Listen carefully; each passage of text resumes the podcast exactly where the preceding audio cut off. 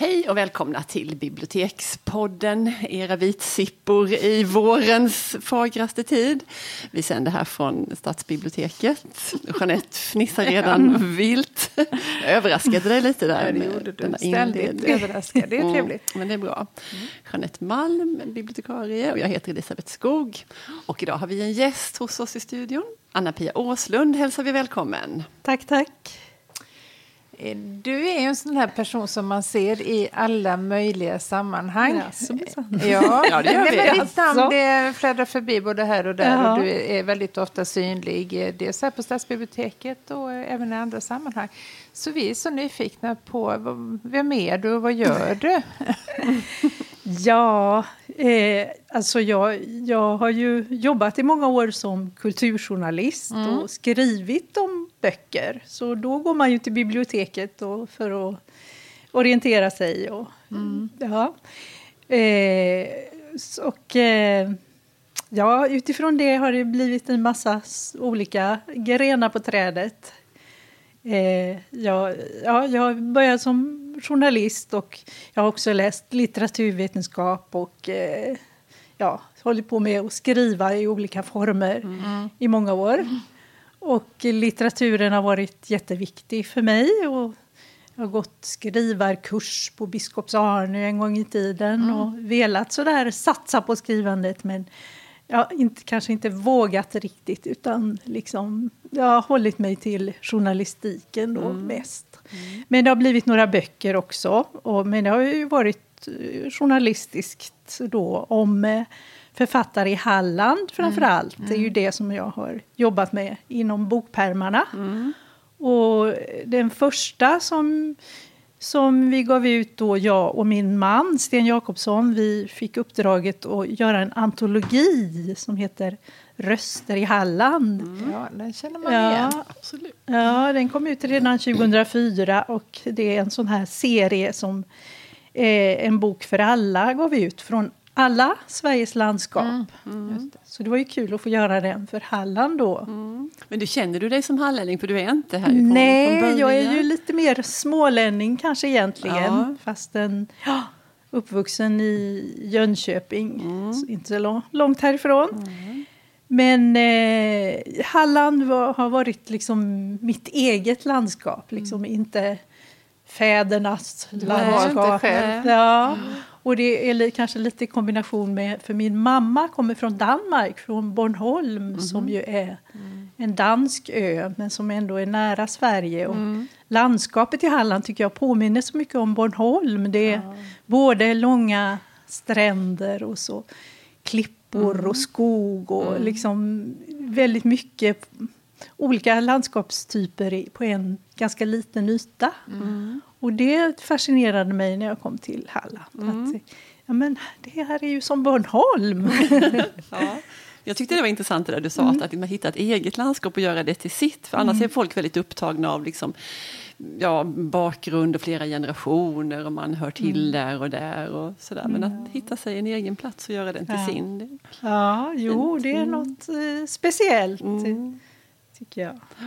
Men det är också väldigt viktigt för, eller för väldigt många som håller på med och har en stark anknytning till sin hembygd att det tar så lång tid att verkligen bli eh, hallänning, ja. Halmstadbo eller bohuslänning, vad du vill. Att det är ingenting. I deras ögon så tar det säkert tre generationer innan att de kanske ja. inte skulle benämna, eller det kanske är ett förlegat mm, tankesätt, jag vet inte. Men jag känner igen det från där jag kommer ifrån. att... Eh, men Halland kanske är lite mera tillåtande ja. och inbjudande mm. eftersom Halland har ju varit ett sånt där fattigt landskap som ansågs fult och, mm. ja. och kargt och hemskt. August Strindberg skrev någonstans att eh, usch, Hallands ruskigheter åker jag snarast möjligt förbi. Och medan eh, vi tycker att det här med de platta stränderna med bara sand, sand mm. att det är härligt. Ja. Och, medan han tyckte det var bara fult och ruskigt. Och Selma Lagerlöf hon gick förbi det helt och hållet. och förbisåg oss med tystnad. Ja, inte riktigt egentligen. Men jag tycker hon ska rehab rehabiliteras ja, lite. Det var, hon, hon, hon skrev ju en, en fascinerande berättelse om Halland men, men eh, den kom inte med i Nils Holgerssons underbara äventyr. Mm. Så det var inte hennes Nej, det var liksom tecken, det var det där med att det var att det var piskan på för att boken skulle ut till mm. jul och, ja. och sådana saker även då. Nej, men Se vad man lär sig i den här podden. ja. Härligt. Ja. Men, men för att återknyta till de här böckerna och den här antologin som du började prata om. Mm. Men, om jag ska ställa en jätteprovocerande fråga bara för att jag tycker det är roligt. Men varför är det så viktigt med det här lokala då, lokala författare? Varför ska vi intressera oss för dem? Jo, men jag tycker det, för mig är det självklart mm. att eh, jag vill ha en hemhörighet i, i det här landskapet och bland de här människorna och förstå. Alltså de som har bott här i generationer, de har ju något att säga oss som kommer mm. inflyttande. Mm. Och, och många av de här författarna som till exempel som jag tycker bör finnas i en halländsk kanon om man ska mm. prata om en sån. Mm. Som Albert Olsson, han var ju en Skånepåg som hamnade här mm. i Halland också som folkskollärare. Men han, eh, han hade också ett behov av att förstå var, var befinner jag mig nu? Mm. Och, och eh, han skrev ju om, om Halland redan på 1600-talet och, och eh, hittade liksom egna vinklar mm. på det. Så det kanske för skrivande människor är det kanske ett sätt att mm. gräva där man står och förstå sin omvärld och mm. sitt sammanhang. Om du skulle nämna några fler i här tänkta halländska kanon, mer än Albert Olsson? Ja, det kom upp just för att jag fick en fråga faktiskt från en, en högskolestuderande de, häromdagen mm. om just det där. De, de arbetar med det där kanonbegreppet ja, och, och hon undrade vad jag tyckte skulle vara med i en halländsk kanon. Ja. Och eh, nej men alltså, jag tycker att det, det, det får gärna vara jag tycker inte att en kanon ska vara något exkluderande och eh, strängt liksom, auktoritärt. Utan, men, men lika väl som man har topplistor inom idrott mm, och, mm. så kan man ha en topplista inom kulturen mm, och den kan ju mm. variera och vara flexibel. Mm. Och eh, nej, men det finns ju alltså i våra dagar Ingela Strandberg förstås. Liksom, mm. och, och det i, I Halland finns ju en stark ådra av poesi. Det tycker jag man ska mm, lyfta fram. Mm. Och eh, det finns ju många poeter, om man går tillbaka till Olof eh, Dalin, Olof von Dalin. Han skrev ju visor och poesi. Mm. Och eh, sedan finns det ja, Gustav Ullman var en fin poet mm. i Var, Varberg, som kom från Varberg. Som, ja, som är lite bortglömd men som jag vet kommer att lyftas fram i, i eh, den här serien som Teater Halland ger ut med cd-skivor med, över den halländska litteraturen. Mm. Och jag har också lyft fram honom i den här i författarens fotspår. Mm. Jag tycker han är lite orättvist bortglömd. Mm. Han har väldigt liksom karg poesi som stämmer med det här halländska karga landskapet. Mm.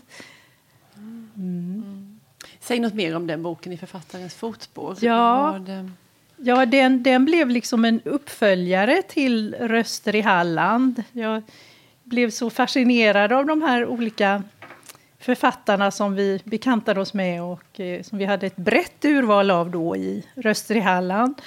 Så det var, och eh, jag tyckte just det var så roligt att åka ut och, och vandra i deras fotspår. Mm. Det här eh, åka till Vessigebro och titta på Lilla Fågelboet där August Bondesson, som ju är mm. vår store folklivsskildrare i Halland som har skrivit så mycket om, ja, om folk på landet där i, i Vessigebro-trakten och eh, samlat folkets visor och eh, sådana saker tycker jag är roligt. Och man kan föreställa sig hur det var att leva som skomakarson i det här lilla torpet. Och, eh, och eh, lyssna på skomakar...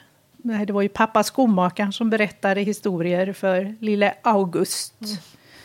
när han var barn. Och, eh, ja, och sedan har jag också Astrid Pett Pettersson tycker jag är en sån där lite o- orättvist bortglömd kvinnlig författare som eh, skrev mycket om, om just om det här bond, bondkvinnornas situation.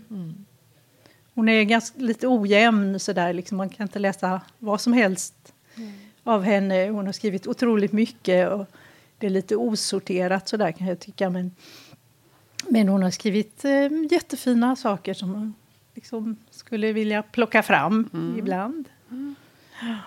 Och så finns det ju Elsa Grave som jag också tycker är en sån där poet som man ska lyfta fram då och då. Som är väldigt härlig med sin ilska och eh, humor och liksom...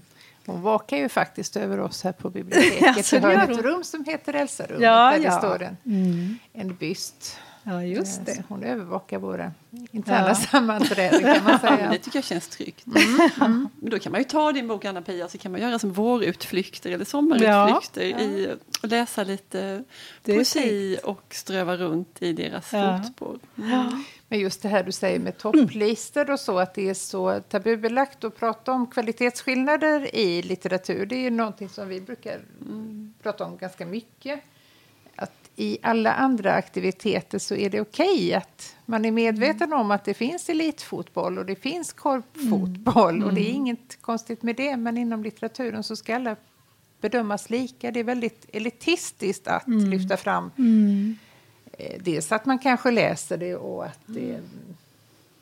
Ja, men elitidrott är fint och kultur Ja. är lite fult. Ja, det är något väldigt konstigt med det. märkligt Det med är detta. jättekonstigt. Fast i och för sig kanske det håller på att svänger för att det här med Nobelpristagaren i litteratur har ju blivit lite mer av folknöje och man Ja. tittar på de festliga utdelningarna på tv och sånt. Mm. Ja, man kan ju hoppas. Ja. Ehm, men hur, hur började det här, eh, din gärning då som skrivande person som du har ägnat dig åt hela livet? Fick du med dig det hemifrån från början eller har du fått... Ja, jo, det fick jag nog. Mina eh, föräldrar var eh, folkskollärare båda två från början. Och, eh, eh, ja, min pappa blev ju sedermera mer sådär kult, eller ja, skolbyråkrat. Och, men, men han läste gärna Elsa Beskow hade han med sig hem, hemifrån sitt hem då. Så det, det, det, det, var, det är nog mitt första minne av det här. Liksom att jag ville förstå vad som hände i de här böckerna, inte bara titta på bilderna utan jag ville förstå de här små svarta krumelurerna också. Och sedan, ja, nej, det har följt med mig genom åren. Läs och skrivintresse. Och sen, ja, så höll jag på mycket med teater när jag var i tonåren så där, och spelade teater i olika sammanhang. Men eh, så, ja, sen kom, det var då när det var så mycket sådana här kollektiva grupper. Man skulle spela politisk teater ute på gator och torg och så. Men vi blev osams i min grupp. Jag ville göra feministisk teater medan ledaren var en sann KPML-ärare som sa Sånt ska inte vi ha i den här gruppen. Det enda som gäller är varvet. Vi ska skriva Åh nej! vi ska göra teater om varvet. Varvet. Jag ville göra teater om unga tjejer och deras situation. Men då, Fel grupp. Ja, då bestämde jag mig, nej, jag ska göra något väldigt individu- individualistiskt. Jag ska, jag ska skriva, jag ska utbilda mig till journalist. Och så gjorde jag det. Vilken tur. Ja, man undrar ju hur, hur gick det för skådespelaren? Varvets skådespelare. Ja, nej, det, det, det, han, när Han är inget stort namn idag. Det, nej, när jag träffar honom nu för tiden så rodnar han när jag påminner honom om det. För han blev en riktig mjukis några år senare. sådär, ja. Och startade någonting som heter Nallebaletten och höll liksom på med, med barn och teater och sånt. Så han, han gjorde bot och bättring. Ja, ja, men det var skönt att höra, tycker jag. Hade du, men då när det här med hur det började att läsa och skriva, hade du någon sån här avgörande läsupplevelse någon gång i, när du var ung, så när du verkligen, åh det här är... Mm. Eller det, det, var så självklart ja. för dig från början? Eller kommer du, du menar så barn, barnböckerna? Eller som eller? ung, sådär lite... Ja, ja alltså, alltså mer som tonåring så mm. har ju Eh, Cora Sandels Alberte-böcker mm. var jätteviktiga för mig. Och de skrev jag även min trebetygsuppsats om mm. Mm. när jag läste litteraturvetenskap. Mm. Mm. Jo, det, den tycker jag är ju en klassiker som mm. står sig. Alberte och Jakob heter den första delen. Alberte och friheten som utspelar sig i Paris. Oj, i början av 1900-talet. Mm. Den är väldigt härlig, tycker jag. Det är liksom... Ja, nåt som tjejer i alla tider tror jag kan ha glädje av att mm. läsa. Mm. det är lustigt att du säger det. Min son som är 22 han mässade mig här om veckan och sa mamma varför har du aldrig berättat hur bra Cora Sandel är? Ja. och då var han väldigt, mm. han hade haft en väldigt stark uh, läsupplevelse. Ja. Det är inte bara unga tjejer. Nej, mm. nej det var ju härligt att ja. höra. Jag vet inte mm. riktigt, vi har inte pratat om det vad det var som, men han tog, det gjorde så starkt intryck så att han var tvungen att, ja, skicka ett sms till sin mamma. Ja, men då måste du fråga honom ja, om vad det var som det. grep honom. Mm. Men för mig var det nog mycket det där, eh, Alberta hon lever ju liksom i en väldigt instängd miljö i, med, i nordligaste Norge. Mm. Med en, en pappa som är häradsdomare eller något sånt där allvarligt och mamman bara sitter och drömmer om hur det skulle vara att komma tillbaka till Oslo där det är liksom, allting är mycket bättre. Mm. Mm. Och så hon ska vara familjeflicka och har inga talanger för det, vill inte mm. bli bortgift och vara familjeflicka. Utan, men ja, så i andra delen då sticker hon till Paris och mm. plötsligt så står hon naken på ett, ja, på ett podium och är modell mm. åt, en, åt en målare, åt en konstnär. Så liksom hennes liv liksom tar ett enormt skutt och så det händer mm. Ja, och sen ja, väldigt intressanta saker, mm. tycker jag. Just de, som kvinna och som konstnär eller som skri... Cora Sander var ju från början målande konstnär och sen så blev hon när hon fick barn och, och inte kunna, fick plats med staffliet längre då blev hon skribent och författare. Då. Mm. Mm.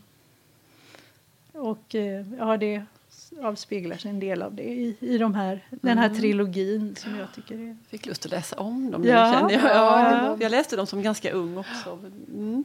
Mm.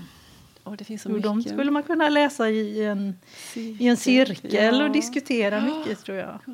Du, du tangerade en sak i början när vi pratade det här med, med att skriva själv, skriva, liksom att uttrycka sig litterärt. Mm. För att du hade gått på Biskops Arne och mm. sådär. Har du, tänker du på det fortfarande eller du har liksom mm. hittat andra former för att uttrycka dig? Mm. Eller skriver ja, du något det är eget? klart det finns ju, det finns ju där som liksom en, en, ett behov eller en längtan mm. men som ja, jag kanske kan släppa fram lite mer så småningom.